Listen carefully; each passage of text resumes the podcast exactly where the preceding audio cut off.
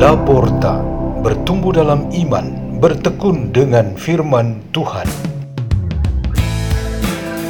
Radio Laporta, pintu terbuka bagimu untuk pertumbuhan pengetahuan dan kebijaksanaan tentang Allah.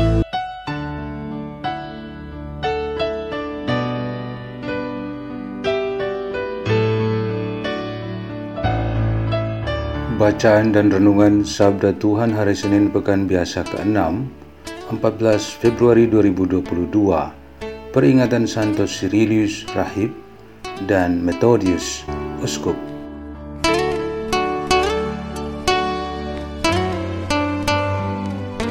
Dibawakan oleh Pastor Peter Tukan SDB dari Kevikepan Labuan Bajo Keuskupan Rutem.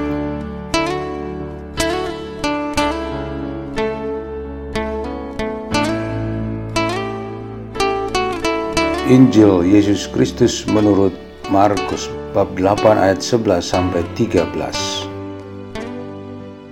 Sekali peristiwa datanglah orang-orang Farisi dan bersoal jawab dengan Yesus.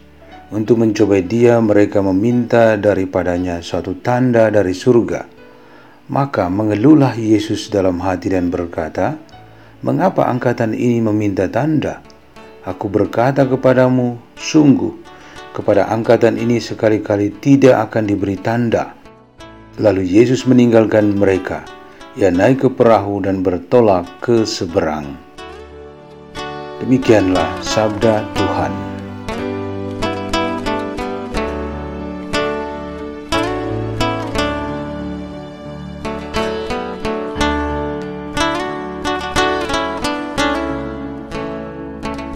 Tema renungan kita pada hari ini ialah menikmati ujian.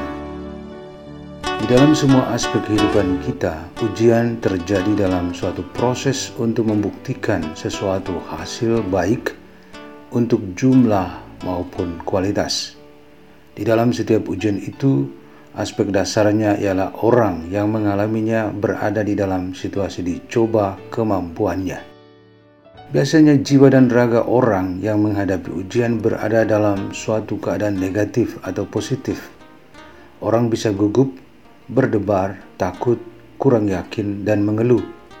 Orang bisa juga berani, konsentrasi, fokus, percaya diri, dan yakin untuk menghadapi, lalu akhirnya melewati ujian.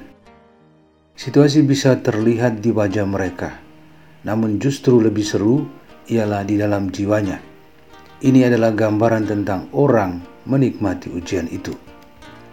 Orang bersikap negatif ketika menghadapi ujian disebabkan oleh aneka alasan. Yang paling umum ialah karena yang bersangkutan kurang atau tidak siap. Ketidaksiapan mental dan semangat biasanya membuat tubuh gugup, gemetar, keringatan, dan lemah. Jika yang bersangkutan menyerah, bukan mustahil ia akan bisa menolak untuk menghadapi atau menghadapi saja tetapi dengan resiko pada hasil yang tidak baik. Ini berbanding terbalik dengan sikap positif dan optimis dalam menghadapi ujian, yaitu orang yang siap jiwa dan raga. Bahkan kesiapan ini diungkapkan dengan suatu kegirangan dan kerinduan untuk mengantisipasi ujian. Siap seperti ini bisa membuktikan bahwa yang bersangkutan yakin akan hasil yang bakal dicapai memuaskan dan memenuhi harapan.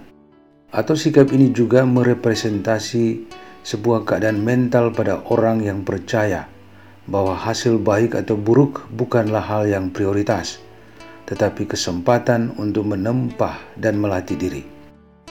Dua sikap positif ini ditunjukkan oleh kedua bacaan kita hari ini. Santo Yakobus dalam bacaan pertama memberikan nasihat bahwa Ujian dalam hidup memang mesti dilalui, karena hasilnya adalah sebuah ketekunan yang merupakan jalan menuju kesempurnaan.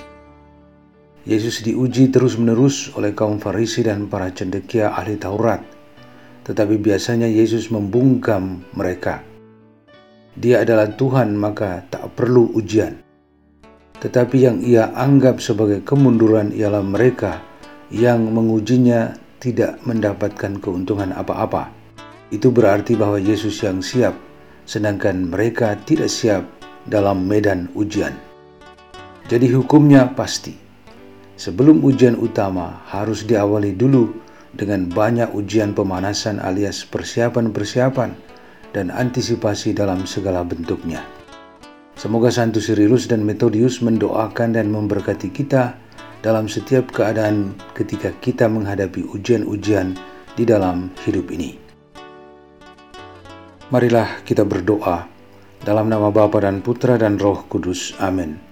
Ya Tuhan Yesus Kristus, ajarilah kami selalu dengan meletakkan kata-kata dan tindakan yang benar dan tepat dalam setiap kesempatan kami menghadapi ujian hidup ini.